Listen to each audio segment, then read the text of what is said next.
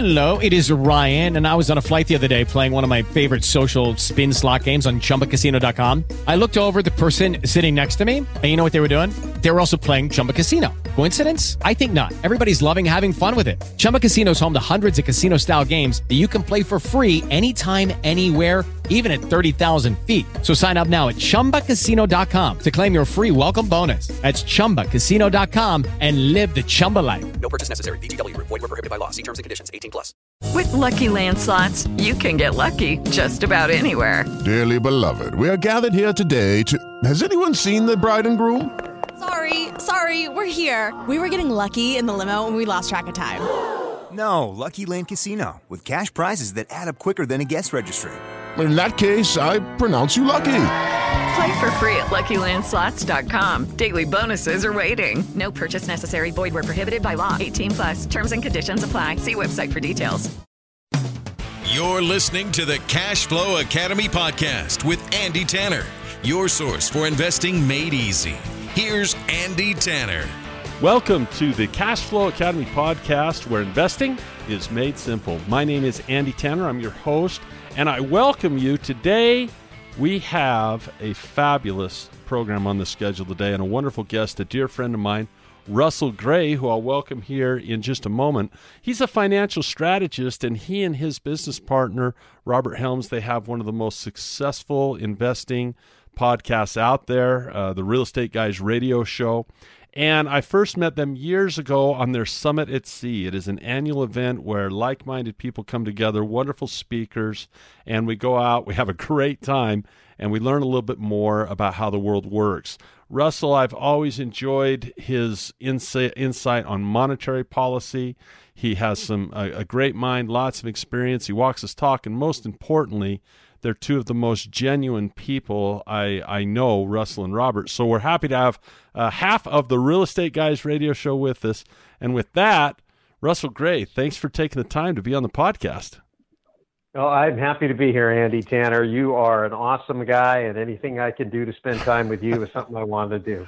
I'll tell you, we've had some great fun, and I have to tell everyone first, uh, they need to check out, and, and we hope you keep doing it but the Summit at Sea is a special event for real estate investors and really investors in general. With they just have an all-star cast, and I've been on it twice, and it's absolutely fantastic. You, are you going to do? Let me start right there. Are you going to do the Summit at Sea? Yeah, of course we are. Uh, we got our 17th annual coming up. We've been doing this thing every year since 2002. Even when the wheels were coming off the bus in uh, 2008, we kept it going and in a lot of ways, it led to our resurgence. Um, it's it's become kind of the elite networking event uh, in the space, and I think I think what we're really most proud of is the way we've been able to cross over. You know, pre 2008. Uh, my partner Robert Helms and I were very entrenched in the realm of real estate investing and the real estate investing community. And that's right. kind of a community that's just kind of off on its own, doing its own thing. And when when the, when everything you know went to you know where in in 2008, uh, a lot of that community was devastated. And so, from strictly a business perspective, we had to find uh, new new places to go, new peoples to talk to. But really, for me, what happened was I was on the finance side of things. I was in the mortgage business, you know, and I kind of pride myself on paying attention to things and knowing what's going on. And even though Robert Kiyosaki was trying to tell us that uh, the real estate market was frothy and that we should be being cautious. And we had other real estate mentors telling us the same thing. You know, there's something to be said for experience, but we didn't listen. And we didn't listen because because they, they couldn't really explain it to us. Their gut was telling them it was a problem, but at least as far as I was going, either they couldn't explain it or I couldn't understand the explanation. But at the end of the day, we didn't heed the warning. And uh, even though we were talking on the show about you know protecting equity and hedging and being more cautious, in our real life world, it was pedal to the metal, leverage to the hilt, uh, and we were very very dependent on those credit markets. And when those credit markets fell apart, yeah, uh, it was game over, and that was devastating. And and after that, you know, the one thing I learned from my buddy Tom Hopkins, who who now comes yep. on the summit at sea with us every year was that uh, never to see failure as failure, but just as the feedback you need to make adjustments. And so I said, okay, well, I just failed epically. What's the lesson? And the lesson is there's a lot of smart people out there that I need to get around and listen to and try to understand. And so the summit and the and the radio show became our ticket to getting into relationships with super smart people like Peter Schiff and Chris Martenson and G. Edward Griffin. And obviously, it's how we've become closer to you and all the Rich Dad advisors, and of course, Robert and Kim. So having a chance to be around all those people and not just in a room listening to them talk, but having dinner with them and hanging out at the beach with them and and uh, just having you know friendly conversations in a very highly uh, stimulated environment where everybody is there for the same reason, talking about the same things has just been amazing. So these last ten years now, if you can believe it's been that long, Yeah. uh, have been a, just a really rapid growth curve for me in terms of my understanding of of what's going on in the world and, and how to prepare. I'm actually looking forward to the next crash because I feel so much better prepared for it now. It kind of bums me out that everything keeps going so well. Can't, can't something go wrong here? Um, I need to pick up some bargains. Well, let's talk about that. And and by the way, everyone should know this. I mean, I get a chance to talk to so many people, and you know, you guys have the largest podcast out there in terms of information on real estate. I mean, that's really what you guys is. Uh, I guess it's the title. You know, it's the real estate guys. That's how uh, you and Robert are known. Uh, you and Robert Helms are known, and uh, and of all the guys I know, I've got to pay you a compliment if I can you know, you guys are so real. And, you know, there's a lot of talking heads and a lot of people on stages and a lot of people writing books. But I got to tell you, uh, you're two of the most genuine people I know. And you mentioned, I mean, you guys are so open and unapologetic of saying, hey, here's where I've uh, made, lost money on a deal, or here's where a deal fell apart. And I'm really big into that because I've had mine as well but you learn from each of these. And so your comment is perfect saying, hey, you know, when's the next crash coming on? Because there's a lot of people that, you know, I'm going to recommend that if they're interested in real estate at all, you know, they should lock in and, and listen to your podcast as well. So, so let's talk about that. Let's say a person's either in real estate right now or they're thinking about real estate right now, but they're a little nervous because there's, uh, there are some feelings and and some that are saying, "Hey, we're getting close to uh, to another major correction, whether it's a leveling off, a major correction. We, you know, there there is still some debt out there, uh, and some conditions that that maybe are not identical to to the subprime meltdown. But you know, what are your feelings first on next crash severity? How does a real estate investor? You mentioned you're more prepared. You feel this time. Talk to me about those ideas. Well, I mean, I think I think the first thing to realize uh, is is that crisis, external circumstances aren't the problem. It's it's really the individual investor's awareness and preparedness because markets go up, markets go down, interest rates go up, interest rates go down, um, things cycle. Um, so in the beginning, when 2008 happened, I said, "Oh, nobody could have seen it. It's not my Mhm. fault." You know and then and then after that I, I really did a lot of soul searching and introspection to realize you know what it, it kind of really was my fault because uh, i did see there were warnings and i didn't pay attention and i saw a lot of people who prospered through it. So i said okay i- i- if if we all went through the same situation and some people became rich and some people got wiped out it's not the situation it, it's the individual. So that's number one. You got to take ownership and that means education. That means really thinking for yourself. And at times you have to be able to be willing to go it alone a little bit, you know, at least not with the crowd. Part of the problem sometimes come because everybody jumps in without thinking. Uh, you know, obviously, Andy, you're a, you're a, a, a paper guy, and there's fundamentals and there's technicals. Yep. Yeah. And you know, when when when you get caught up in the momentum of something and you buy something because it's going up and everybody else is buying it because it's going up, that's great as long as everybody has that belief. The minute it turns, everything starts to go down. But the beautiful thing about real estate is real estate isn't a commodity the way stocks, bonds, uh, or actual commodities, gold, silver, you know, Right. wheat, whatever it is you want to trade. Those are all currencies. They're all commodities. They're the same everywhere all around the world. They're traded on virtually perfect exchanges where price discovery, buyers and sellers can be matched up. There's very little inefficiency. It's really, really hard. That's why you have these guys investing millions of dollars in trading software and super fast internet so they can get a nanosecond advantage on the market. But that's Right. just way, way, way too steep for my blood. Real estate, on the other hand, is hyperly inefficient.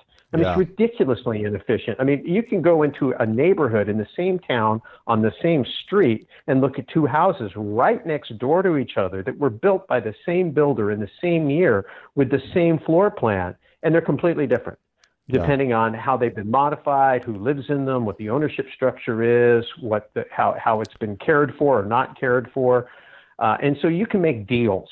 And so Well, in and any market, anywhere, there's always a deal. That's a huge thing to understand for people is uh, there's a couple of things here is I don't get the chance to negotiate a a deal in the market. It never happens. Apple is the price of Apple. And it's also very difficult to find the, the select motivated seller. You know, maybe someone sells off their Apple because they really need money, but they're like a blip in the ocean, okay? Like a little tiny pebble of sand. But in real estate, you know, a person can be very motivated by a divorce or by a tough financial situation, or maybe just a move of a job to where they say, you know what, I, I, I I'm very much willing to forego the the six months it might take for me to sell this property where I have to make payments on it. Look, I'll take less money if you can, you know, give me some cash right now or or give me some other benefits. So I think it's a really important thing for people to understand that the ability to negotiate and also with people who have different needs with different reasons to exit real estate are varied and and and I like the way you you know put it to inefficient vastly inefficient but not in a in a way that it's not good in a way that boy that's where the deals come from is that is that I'm saying that correctly is my perception close Absolutely, absolutely. You know, the, the, the mantra, the way most people are trained in investing to buy low, sell high. I mean, they just think that's Yeah. it. That's the secret Flipping. formula. Buy low, sell yeah high. flipping a yeah, house And, and so, well, yeah, in houses, but in stocks and anything. Yeah. And, you know, we both know from hanging out with Robert Kiyosaki, it's about cash flow. And if you really think about valuation, even in stocks, the fundamental You side bet it is. should be based on should be based on earnings. Yep. Should be based on price to earnings, should be based on the prospect for increasing earnings and whatever. You're still betting on the management. You're still uh, largely dependent upon external circumstances, and you don't have as much control as you would over a property that you that you manage yourself. But at the end of the day, when you're investing, you should be investing for cash flow because Yes. that's genuine productivity. Now, in real estate, cash flow is equity because the equity or the value of a property is determined as a multiple of the cash flow. Real Now- estate tends to trade at least at the upper levels, meaning something more than just a single family Yes. home, is really trading uh, based on discounted cash flows. It's based on the cap rates. You know and from uh, you know homes homes are a little bit different you know because you get a homeowner who'll who'll pay an unreasonable price just because they like the house and and they can afford to pay it but when you get into investment grade type real estate it's all based on cash flow You know, you make a very important point on investment grade real estate. And when a person learns fundamental analysis on stocks, they've almost learned it in real estate and vice versa because it's the same numbers that you care about. You know, a, a person will look at EBITDA, uh, which is earnings before certain things happen. They'll look at NOI, which is income before you count the debt. It helps give you a good sense of where that's going. You have numbers like you mentioned. Uh, price earnings is how much am I paying for these earnings? Well, you can flip that over with cap rate and saying, hey, how much am I paying for this NOI? And so there's some very interesting and exciting numbers that that did, wouldn't have meant much to me in school until I wanted to begin investing. Now, let, let's talk about this. You said there, you know, you invest for cash flow. How does investing for cash flow help me more during a crash than a person who says just just flipping a home? well the liquidity there's two reasons one is um, you have to understand where asset prices come from so Mhm. asset prices uh, typically are based on uh, comparative samples so if there's you know a hundred million shares of apple stock out there and somebody sells a thousand of them all the rest of them are deemed to be worth the same amount Yes. Same thing's true in real estate. You know, if if if, if there's ten houses in a neighborhood and one house sells for, you know, two hundred thousand dollars, every other homeowner there thinks his home is worth two hundred thousand dollars. But Yeah. it's not because if all the homes went on the market at the same time, uh, the price would come down quite a bit. So you know, when you use comparative sampling, you get you get inflated asset values in the whole world. That's what a bubble is, is when you've got a, you know, a few stocks, like in the stock market, you've got the FANGs that are, that are trading way high and they pull up the indexes and everybody thinks the stock market is up, but really it's just a handful of stocks. You can say, oh, real estate is way up based on appraisals just because a handful of properties sold. So that's really not fair. But with cash flow, if I go look at a area that's got 10,000 apartment units that are 95% occupied, that means the transaction, the price discovery of tenant and landlord is not based on sampling, it's based on full absorption. It's based mm-hmm. on everybody participating in the market. Those right. units are being sold for rent every month, and those people are coming in and paying uh, whatever price they're paying. That's a real price. So unless somebody's capable of like dumping huge volumes of new supply on the market, that price is very stable. So to answer your question, when your when your investment portfolio is is put together in terms of arbitraging the cost of the debt, which is the mortgages, right. uh, and and the other expenses, with the income that's being produced, which is far more stable than the asset price. Yes. As long as you have a positive spread, it doesn't really matter what the asset value is. The price can go up, the price can go down. You can even go negative equity, and it doesn't matter because unlike the stock market, there's no margin call. There's right. no, you don't have to worry about it. All you care about is that at the end of the rainbow, you're good. You know, people say all the time, yeah, but what happens if there's deflation? Well, you know, if you go buy a hundred thousand dollar house and you put twenty thousand dollars of your own money down and get an eighty thousand dollar mortgage, and you're collecting rents, and the rents cover that mortgage and all the expenses, then even if the house, the property dropped in price by fifty percent, and yes. it's now only worth fifty thousand dollars, and you held it all the way until the tenant's income, the rents paid off that mortgage, you went from twenty to fifty. Now, so real estate's a winner in inflation. It's a real estate in deflation if it's the right real estate structured the right way. And the key is that cash flow is what controls the real estate.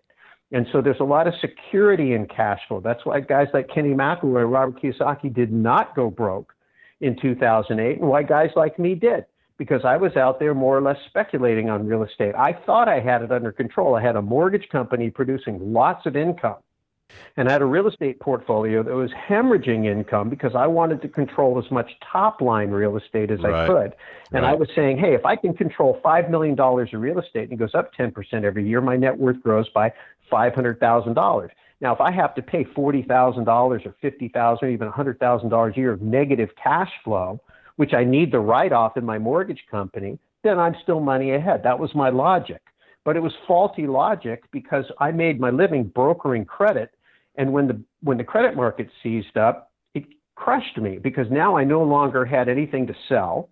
Right. I operated all my business on credit lines, which were all shut down, even though I was you know, paying everything on time, it didn't matter. They shut it down. They created the very problem they were afraid of.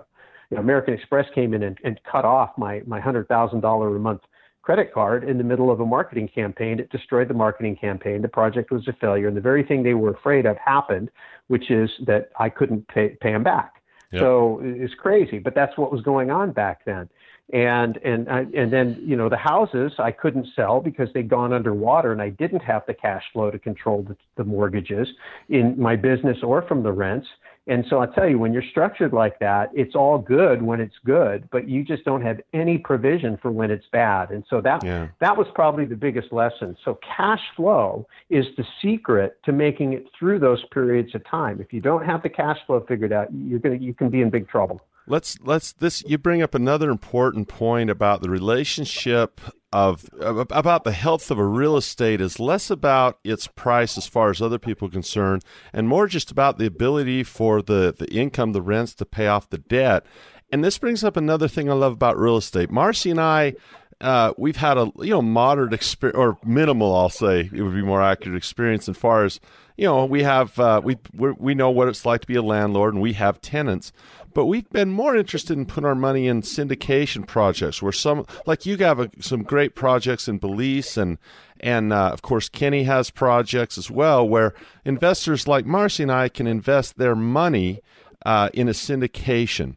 And the thing I like about you know the the the uh, th- those type of projects is if a guy that's sponsoring it knows what they're doing, they can actually force appreciation that property by by raising the cash flow, if they have a good plan for management, a good plan for for raising rents, and then also even just the general devaluation of the dollar, I don't look at real estate as real estate.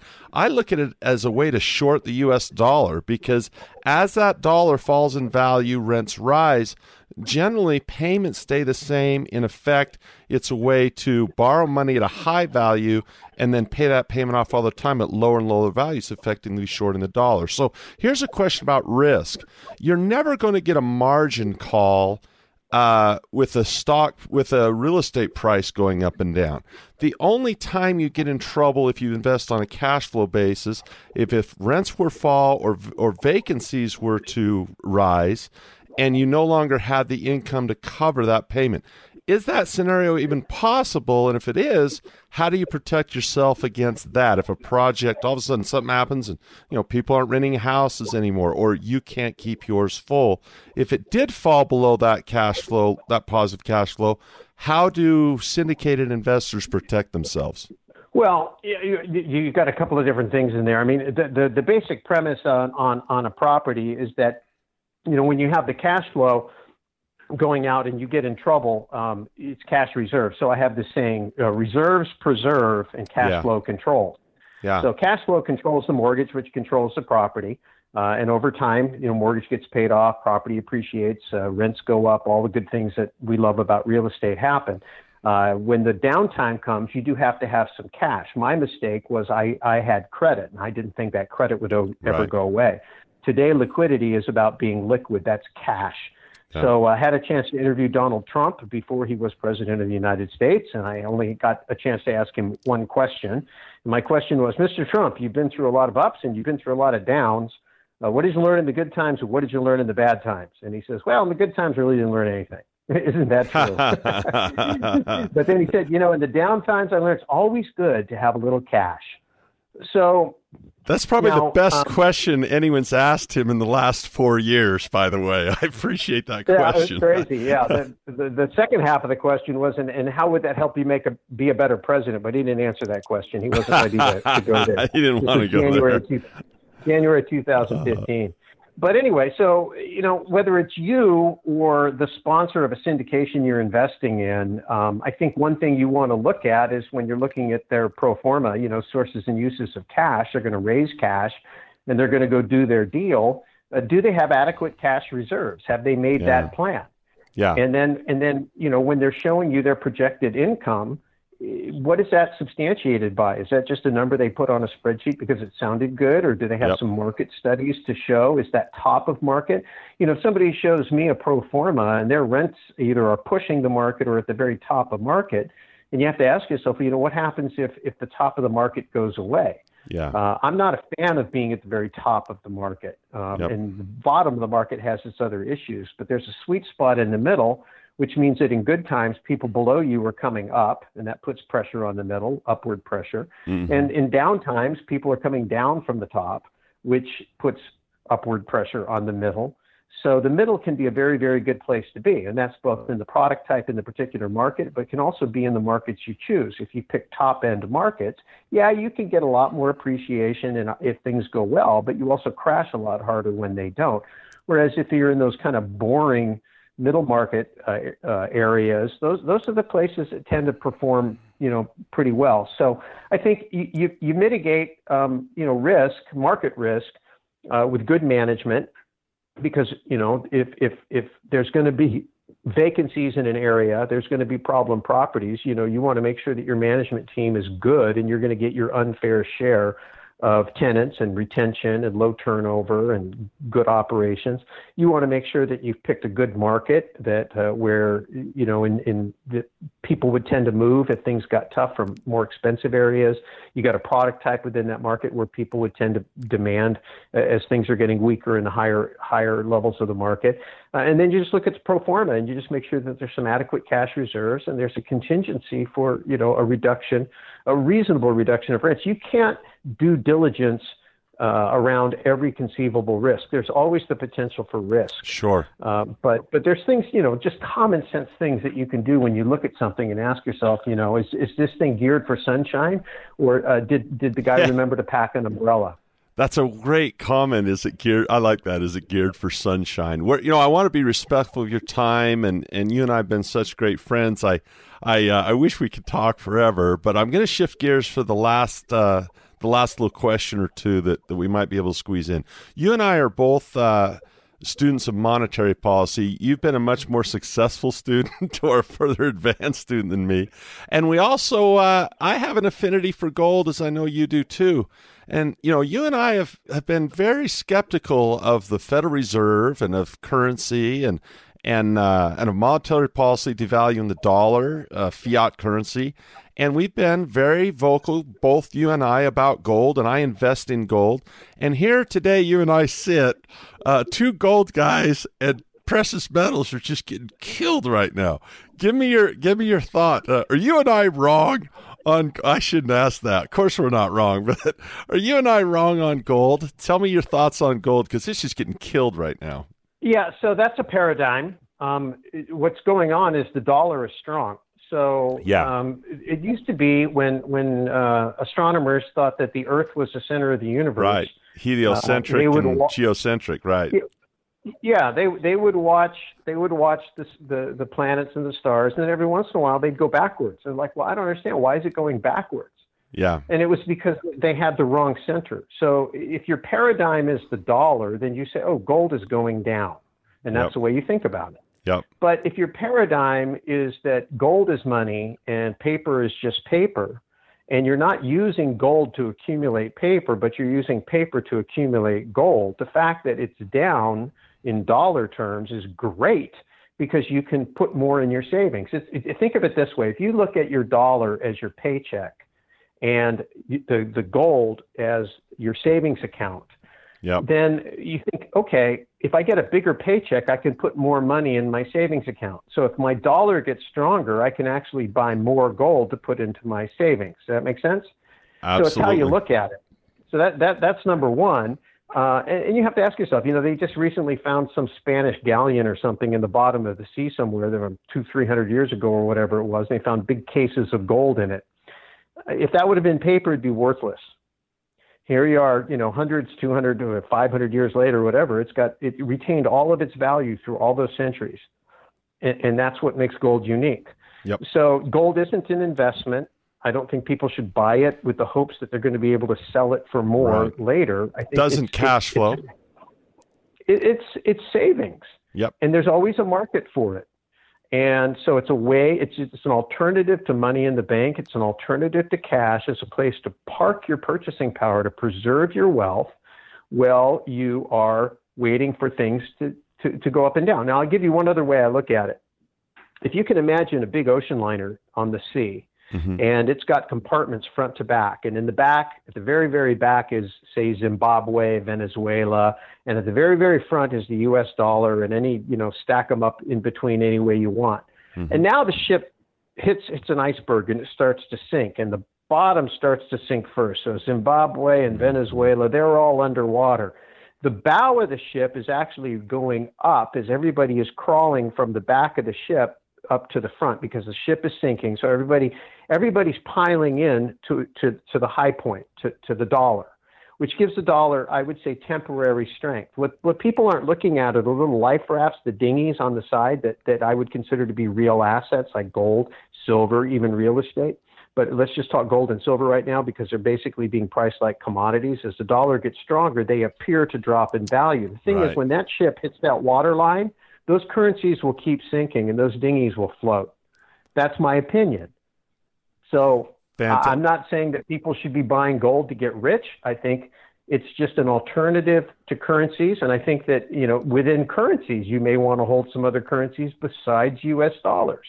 Now, right now, the dollar's doing great. Good. That's that's fantastic. But when you look at the balance sheet of the United States, when you look at the unfunded liabilities, when you look at the growing deficit, when you look at going, growing interest rates and, and uh, interest carry or interest service, and those all things are problematic. The one thing I'll say is we've got a real estate guy uh, driving the ship right now, and even though he's willing to go into debt, because real estate guys are, real estate guys know how to use debt to make money. Yeah.